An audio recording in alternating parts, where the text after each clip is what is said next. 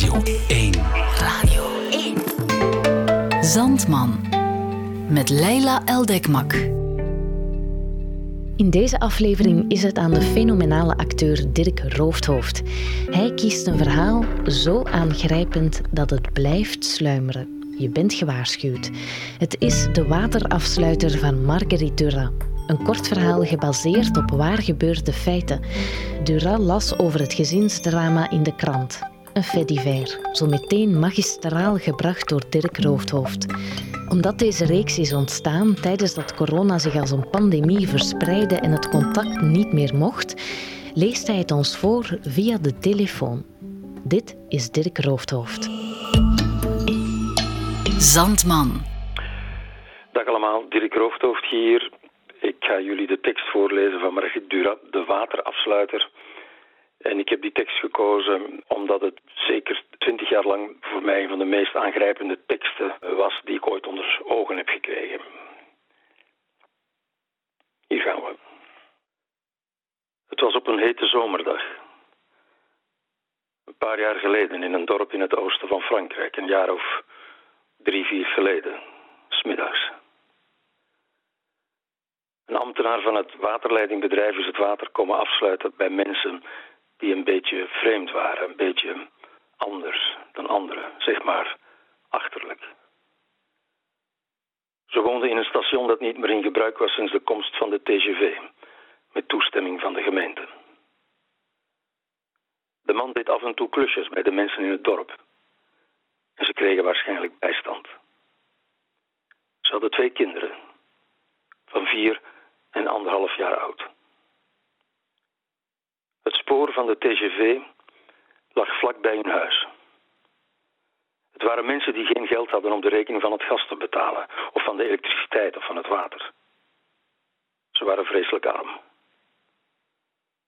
En op een dag kwam er een man om het water af te sluiten in het station waar ze woonden. Hij zag de vrouw, die geen woord zei. Haar man was er niet. De vrouw een beetje achterlijk, met een kind van vier en een kleintje van anderhalf. De ambtenaar was blijkbaar een man zoals alle anderen. Ik heb die man de waterafsluiter gedoopt. Hij dacht dat het hoogzomer was. Hij wist dat het een erg hete zomer was, want hij voelde het zelf. Hij zag het kind van anderhalf. Zijn opdracht was het water af te sluiten, dus dat heeft hij gedaan. Hij heeft zijn taak uitgevoerd en het water afgesloten. Hij liet de vrouw achter, zonder een druppel water om de kinderen te wassen of om ze te drinken te geven. Diezelfde avond hebben deze vrouw en haar man hun twee kinderen meegenomen en ze zijn samen op de rails van de TGV gaan liggen, vlakbij het voormalige station. Ze zijn samen doodgegaan. 100 meter lopen. Gaan liggen. De kinderen rustig houden, misschien slaapliedjes voor ze zingen. De trein schijnt gestopt te zijn. Dat is het verhaal. Nu, die ambtenaar die heeft verklaard dat hij het water was komen afsluiten. Hij heeft niet gezegd dat hij het kind had gezien. Dat het kind bij zijn moeder was. Hij heeft gezegd dat ze zich niet had verzet. Dat ze hem niet had gevraagd het niet te doen. Dat is wat we weten. Terwijl ik dit verhaal vertel, hoor ik ineens mijn eigen stem. Ze heeft niets gedaan. Ze heeft zich niet verzet. Dat is het. Zo van het waterleidingbedrijf het verteld hebben. Hij had geen reden om het niet te doen, aangezien zij hem niet gevraagd had het niet te doen. Is dit de boodschap? Je verstand staat er bij stil. Ik ga verder. Ik probeer het mij voor te stellen. niet tegen de ambtenaar van de waterleiding gezegd dat er twee kinderen waren, omdat hij ze zag, die twee kinderen. En ook niet dat het een hete zomer was, omdat hij er middenin zat, in die hete zomer. Ze heeft de waterafsluiter laten vertrekken. Ze is alleen achtergebleven met de kinderen. En even later is ze naar het dorp gegaan. Ze is naar een café gegaan dat ze kende. We weten niet wat ze in dat café tegen de caféhoudster heeft gezegd. Ik weet niet wat ze heeft gezegd.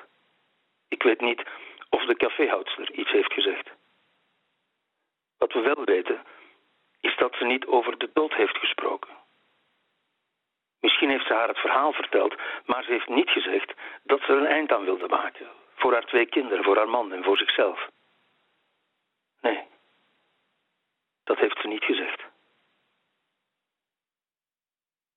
Aangezien de journalisten niet wisten wat ze tegen de caféhoudster had gezegd, hebben ze ook geen melding gemaakt van die gebeurtenis. En met gebeurtenis bedoel ik dat moment toen die vrouw van huis is gegaan. Nadat ze tot zelfmoord van het hele gezin had besloten. Op dat moment is die vrouw van huis gegaan met een ons onbekend doel. Om iets te doen.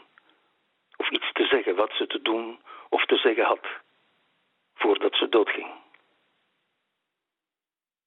En hier reconstrueer ik het stilzwijgen van deze geschiedenis.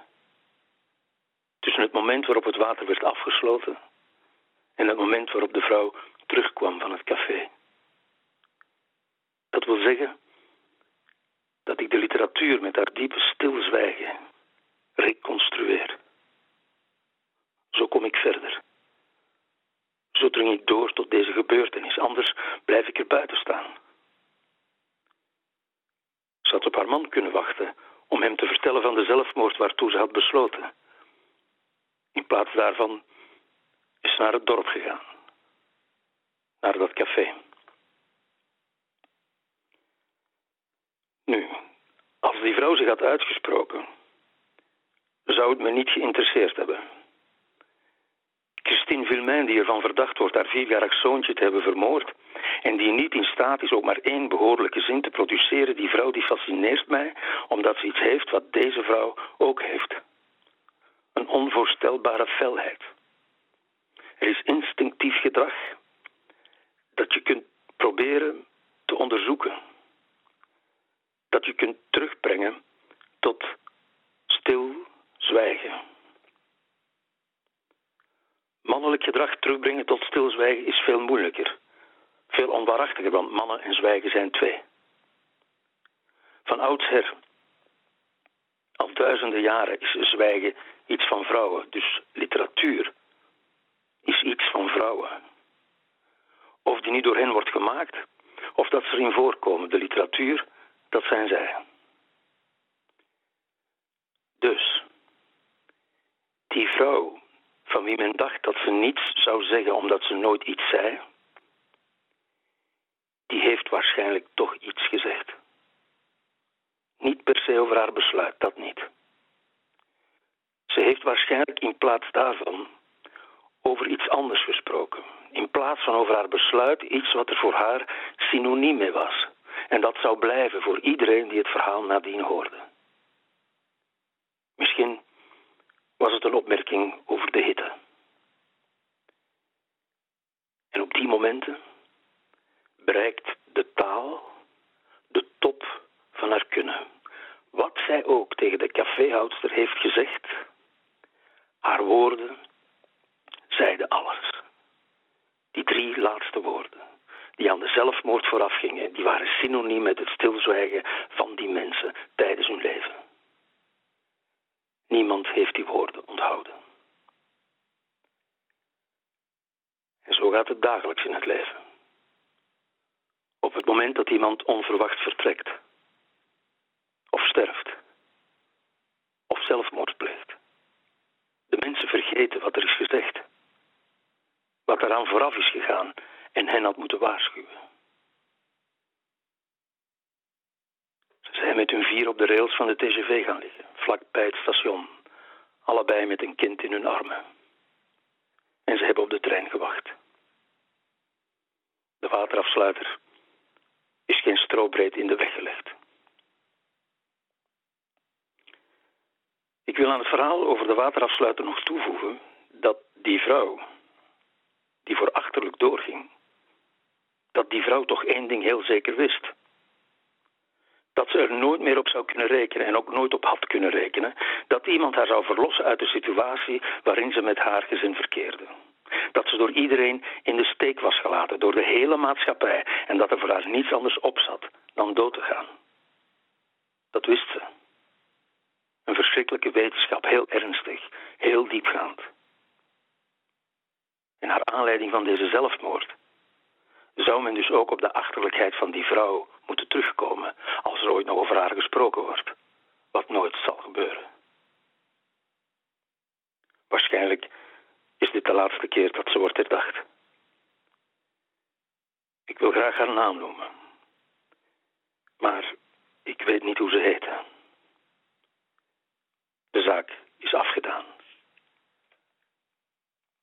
En het enige wat in je hoofd blijft hangen, is de hevige, ongekende dorst van een veel te klein kind. In de veel te hete zomer, een paar uur voor de dood. En de rondgang van de jonge, achterlijke moeder, terwijl ze wacht tot het zover is. Dat is het enige wat in je hoofd blijft hangen.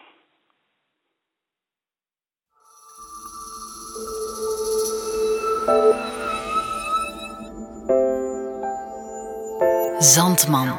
De mooiste verhalen voor het slapen gaan. Dit was de waterafsluiter van Margaritura, voorgelezen door Dirk Roofdhoofd. Deze aflevering was de afsluiter van onze virale voorleessessieweek op Radio 1. Maar zoals dat hoort bij je favoriete zender, we blijven doordoen. Elke week krijg je een nieuw kort verhaal, voorgelezen door een geweldige actrice of acteur. We laten je dus niet in de steek. Met andere woorden, houd deze podcast zeker in de gaten, want wij blijven dus nog even pareltjes leveren. En ben je trouwens net zoals ik een podcast verslinder? Kijk dan ook even naar de nieuwe reeks Moeders ten laste. Over de pensioenkloof tussen alleenstaande vrouwen en hun echtgenoot. Over een gigantisch maatschappelijk probleem hier in Vlaanderen en de pijnlijke realiteit van de mensen die het meemaken. Als je deze week iets nieuws luistert, zorg dan dat het dat is. Moeders ten laste van Wederik de Bakker en Justine Vergotten. Info op radio1.be.